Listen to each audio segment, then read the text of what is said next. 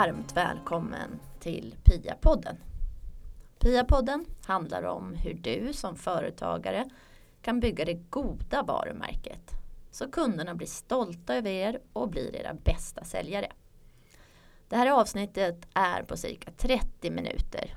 Så sätt podden i öronen och kanske gå ut på en promenad samtidigt. Vet du vad Wood Wide Web är för någonting? Det är trädens nätverk i skogen. Träden i skogen kommunicerar med varandra genom sina rotsystem. De stora träden ammar de små träden så de små träden eh, får eh, sockerlösning eftersom de inte får lika mycket ljus som de stora träden får. Man har också sett att eh, träden faktiskt varnar varandra på savannen till exempel där eh, girafferna kanske äter eh, på löv, eh, löven på träden. Så eh, varnar träden de andra träden för girafferna skickar då ut gift i sina blad. Man vet också att i en skog där det växer många olika sorters träd eh, blir eh, jorden mycket bördigare. Och eh, vi vet ju också att vi människor när vi går i skogen andas tillsammans med träden eftersom de ger oss syre. Jag tänker att eh, vi företagare är som träden i skogen.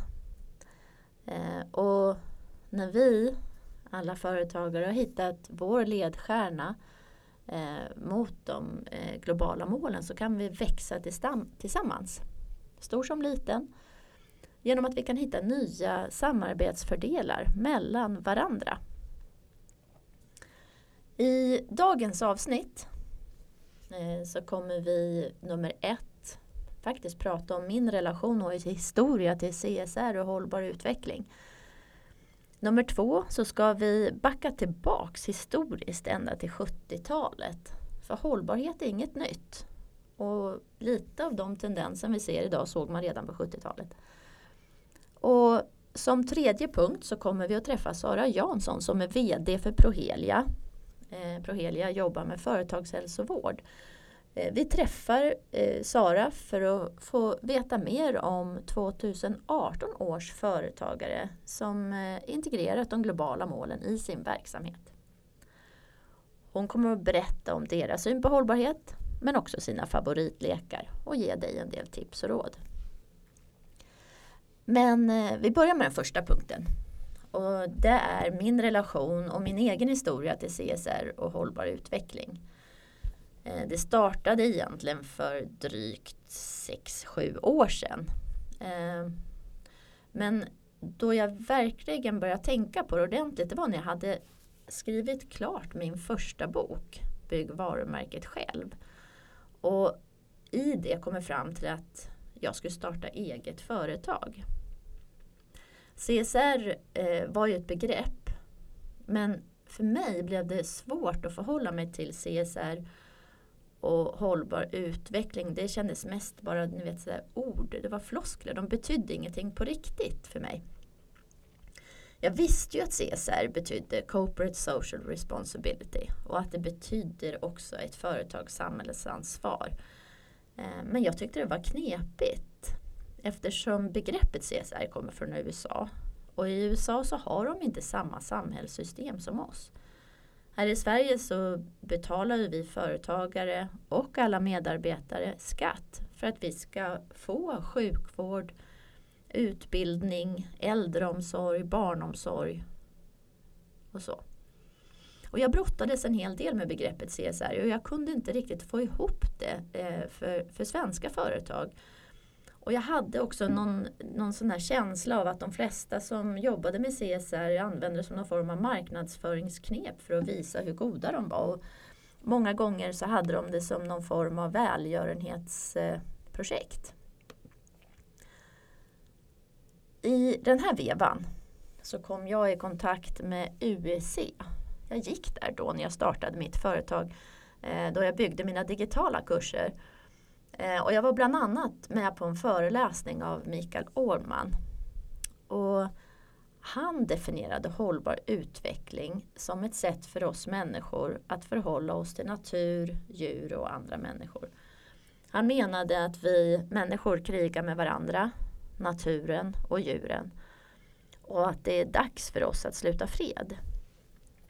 Han eh, definierade hållbar utveckling faktiskt som fred på jorden. Och så frågar han oss var och en vad vi med våra företag bidrog med för att skapa fred på jorden. Där satt frågan som en klump i magen och det gick runt i huvudet på mig. Vad gjorde jag i mitt företag? Sopsorterade jag rätt?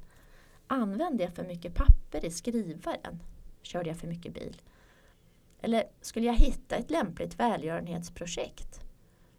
Tankarna gick runt.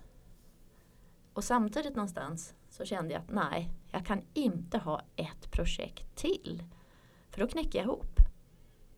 Och det var där någonstans, det var då jag kom på det. Att jag behöver ju sätta in hållbar utveckling in i min modell 5V till 5P. Och vilken befrielse det var.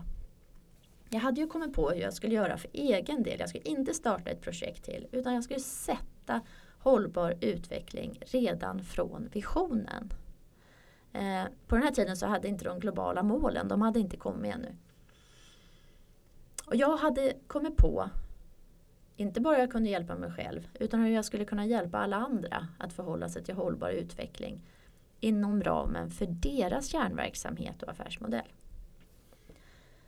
Idag så finns ju de globala målen eh, och jag har tagit flera steg till. Både för att hjälpa mig själv men för att hjälpa de företag som jag jobbar tillsammans med. För att hjälpa dem att vara med och bidra till en bättre värld och utveckla deras företag med sikte på de globala målen inom ramen för deras kärnverksamhet. Eh, jag heter Pia Andersson och jag jobbar som varumärkesledare, föreläsare och författare. Jag har en 25-årig erfarenhet av affärsutveckling som bygger varumärket. Både inifrån tillsammans med medarbetarna och utifrån tillsammans med kunderna. Och de sista fyra åren så har jag engagerat mig djupt i hållbar utveckling. Och sedan 2015 så är jag djupt engagerad i hur näringslivet bör förhålla sig till de globala målen, målen för att göra det till en trippel situation. Min vision är att det är vi företagare som har sett till att vi nått de globala målen. Och när vi nått de globala målen så betyder det att vi lever i en fredlig, rättvis och jämlik värld fri från fattigdom och där klimathotet bara är ett riktigt, riktigt dåligt minne. Jag vill uppnå min vision tillsammans med dig och därför så har jag startat den här podden. Men det finns en del företagare som menar att man först behöver säkerställa sin egen lönsamhet innan man kan dela med sig och hjälpa andra. Vilket då blir att betyda att CSR blir någon form av välgörenhetsprojekt.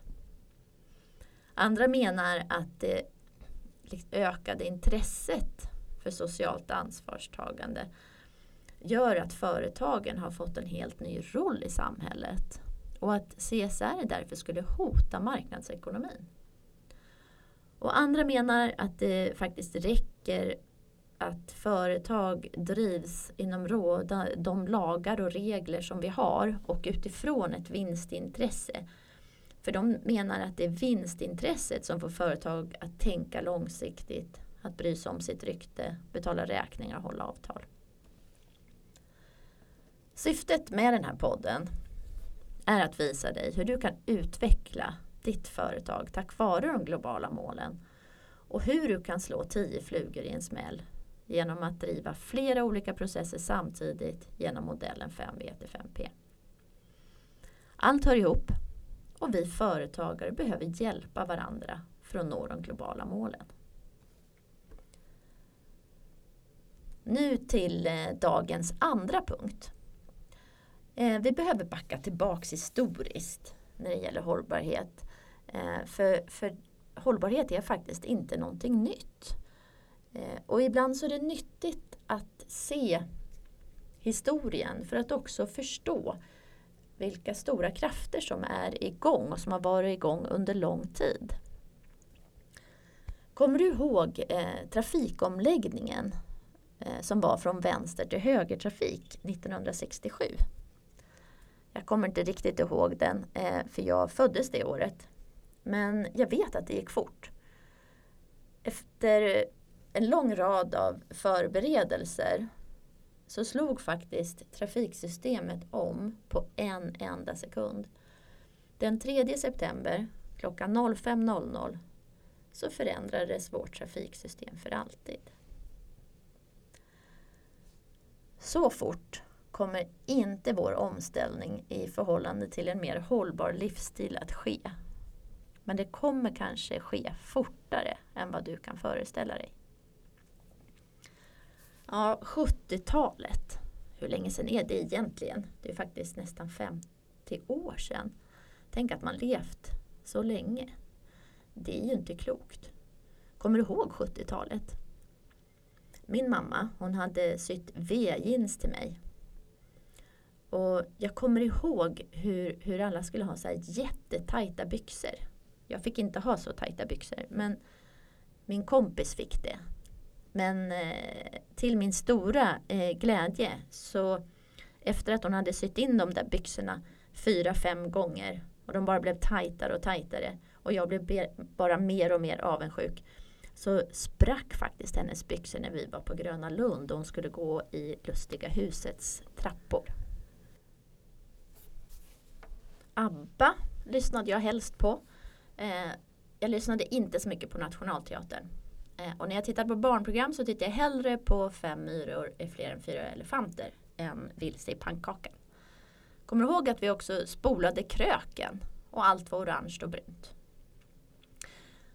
På 70-talet så reagerar man starkt mot eh, industrialiseringen, massbilism eh, och masskonsumtion. Och det där är lite intressant tycker jag för att det är samma frågor idag.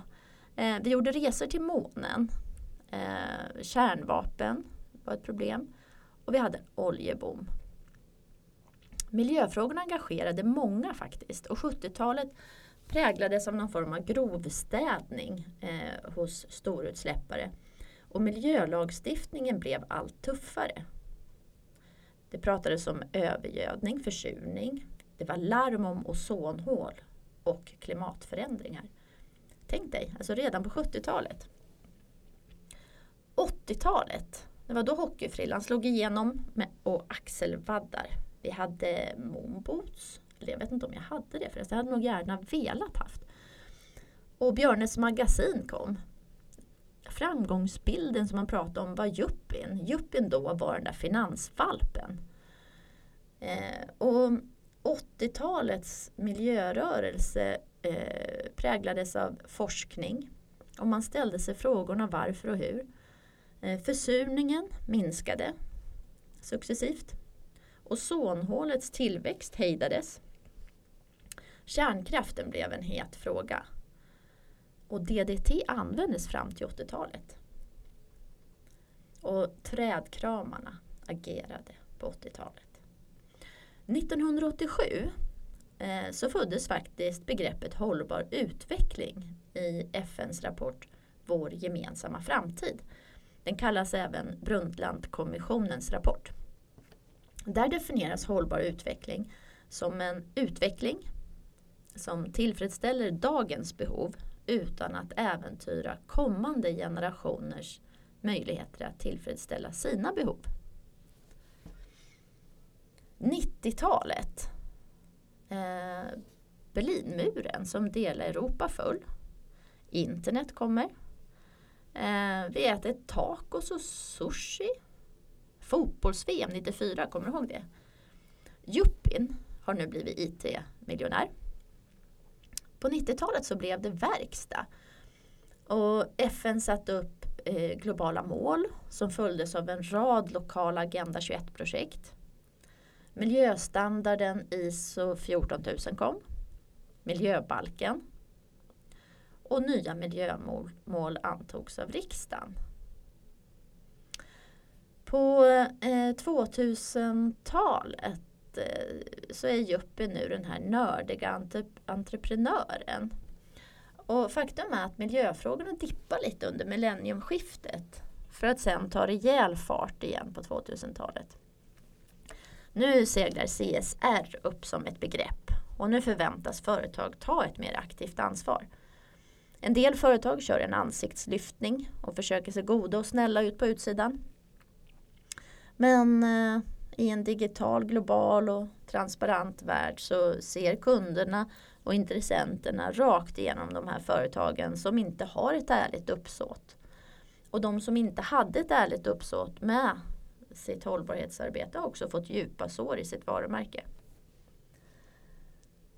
År 2015 så förbinder sig FN tillsammans med världens ledare i 193 länder till 17 globala mål.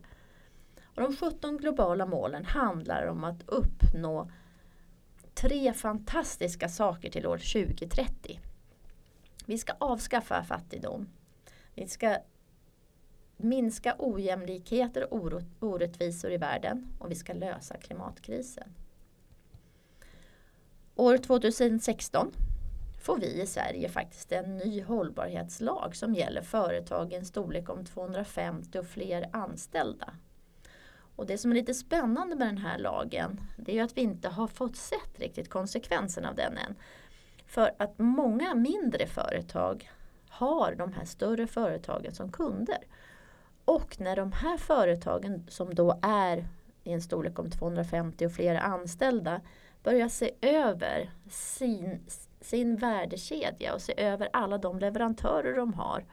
Så kan det vara så att de hellre väljer en leverantör som jobbar hållbart än en leverantör som inte gör det. År 2017 då är det faktiskt så att utifrån mötet, COP-mötet i Bonn eh, så räknar FN med näringslivet på ett helt nytt sätt.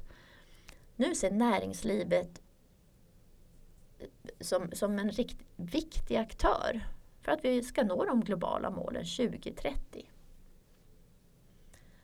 Ja, om vi nu tittar tillbaks till den här trafikomläggningen från vänster till högertrafik som skedde 1967. Det är ju drygt 50 år sedan. Och det är drygt 50 år sedan vi började prata om klimathotet och vår ohållbara livsstil. Eh, system kan förändras fort när nya regler sätts och nya syften skapas för befintliga system. Hur eh, förbereder du då? Hur jobbar du och ditt företag med hållbar utveckling för att nå de globala målen? Nu till agendans punkt nummer tre. Idag är det 2018 och många företagare funderar på hur de ska engagera sig i hållbar utveckling för att nå de globala målen.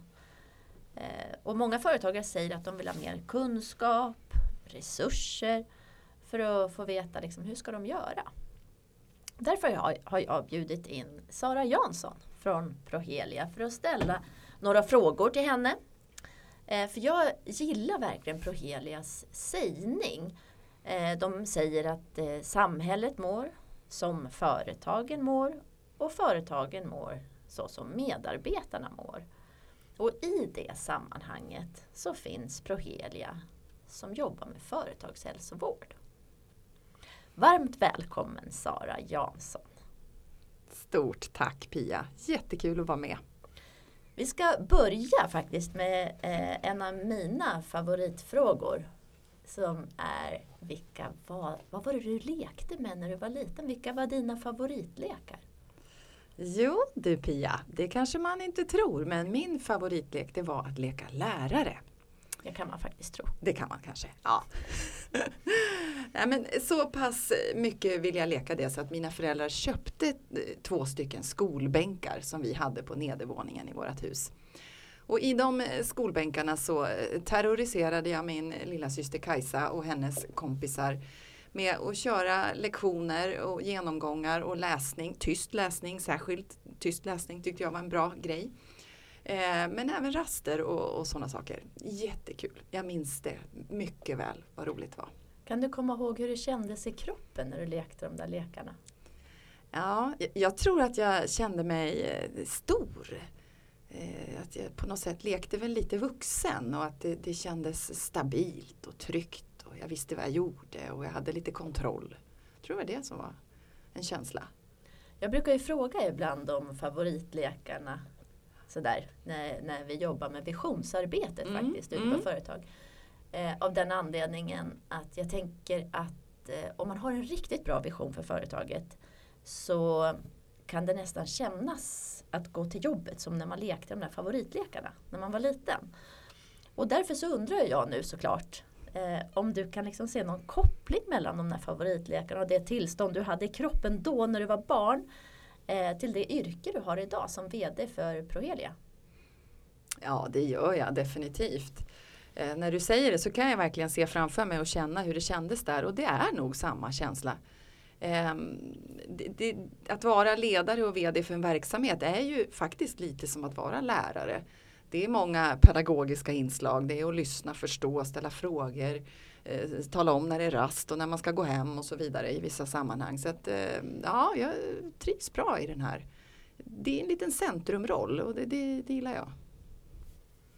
Om du skulle presentera Prohelia lite kort, hur, vad, hur, vad säger du då?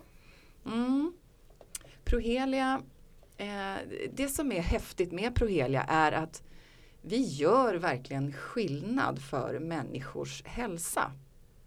Eh, vi säger att vi idag har eller erbjuder en arbetslivsplats som gör dig friskare. Och det här arbetslivsplats är ju som du hör ett, ett, nytt ord som vi har hittat på där vi blandar ihop arbetsliv och arbetsplats. För att Eh, hela arbetslivet är viktigt för, för medarbetarna. Jag tänker många gånger när jag funderar över arbetstid, mm. hur mycket tid det faktiskt är. Det är ju kanske till och med fem dagar i veckan, eh, åtta timmar per dag minst. Eh, och det gör ju såklart skillnad. Jag tänker också på eran sägning där att faktiskt samhället mår så som medarbetarna på företaget mår. Eh, har du liksom den här branschen du har hamnat i? Hur, hur kom det sig att du hamnade här? Jag tror att det helt enkelt har att göra med eh, människorna är i centrum och det, det är där jag vill vara, där vi utgår ifrån människorna och bygger därifrån. Eh, det här när jag, när jag jobbade som lärare det sa jag inte kanske att jag gjorde, men jag jobbade ju faktiskt som lärare och utbildade mig till lärare också. Och, och, när jag då hade barn i skolan så upplevde jag att det var många barn som mådde väldigt dåligt. Eh, och det var svårt att göra någonting åt många gånger. För det som jag insåg var att det är ju familjerna som mår dåligt och det är föräldrarna som mår dåligt. Eh, så det här blev ett litet uppvaknande för mig i min början på min yrkeskarriär. Hur många det faktiskt är som har det ganska tufft. Eh, och jag ser idag att vi på Prohelia, vi träffar ju framförallt vuxna människor naturligtvis. Det kan vara unga människor men, men vuxna människor. Och jag tror att det vi gör för de här personerna det gör, ger ringar på vattnet för deras familjer och anhöriga runt omkring. Och min, min förhoppning är ju då att det, att det sprider sig till barnen så att de får en, en stabilare start i skolan och mår bättre och har en ja, bättre hälsa i sig. När eh, du hörde talas om CSR eller CSR, hållbar utveckling, eh, första gången, eh, vad tänkte du då? Jag tänkte att det framförallt handlade om så här välgörenhetsprojekt eller att man valde att sponsra någon eh, liten eh, satsning som fanns lokalt kanske och att man då gärna ville berätta om det här som som, eh, som skulle höja kvaliteten på något sätt på sitt varumärke. Att vi är också schyssta, vi skänker pengar till det här. Eh, så, så, så, såg jag på det från början. Det kanske är sju, åtta år sedan som jag stötte på begreppet sådär närmare. Sen har det ju verkligen förändrats, eh, både i mina ögon och i verkligheten.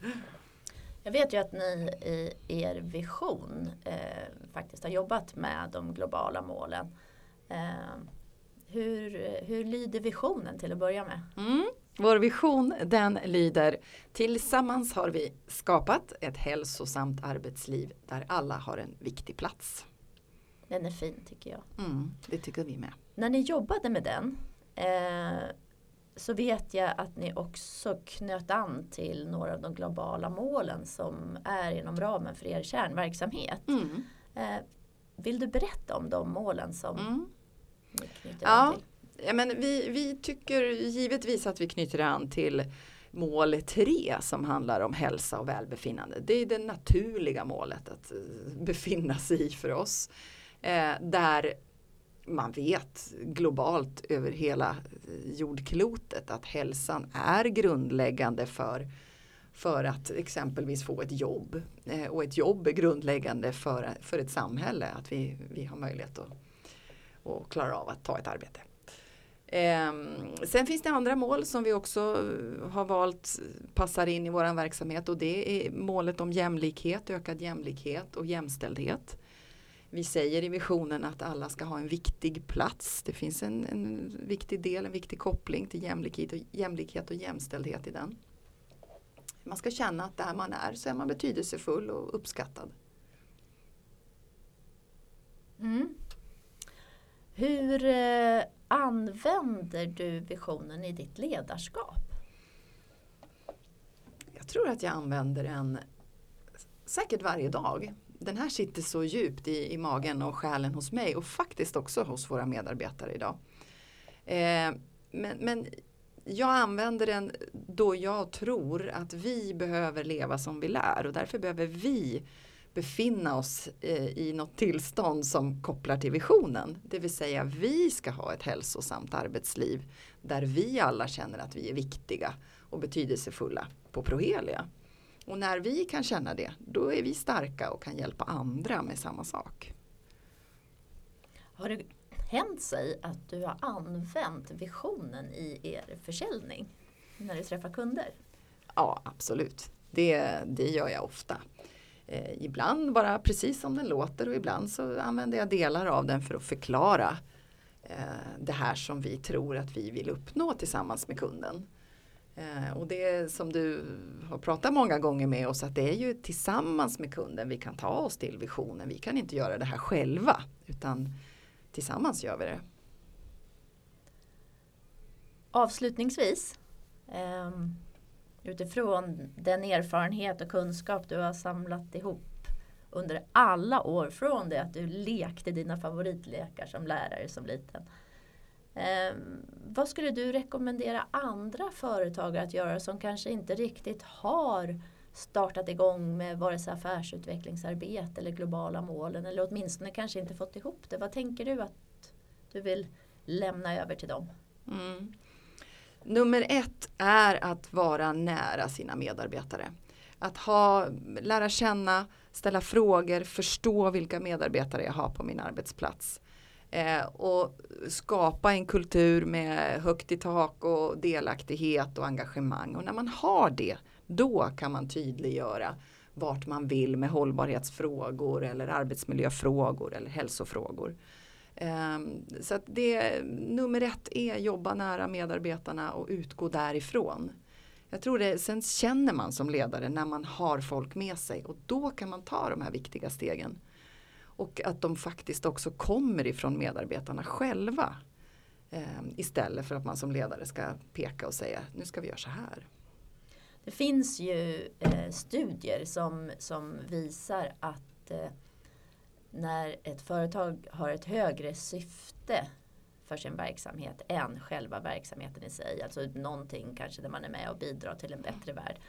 Eh, en vision som inte handlar om att bli störst, mäktigast och starkast.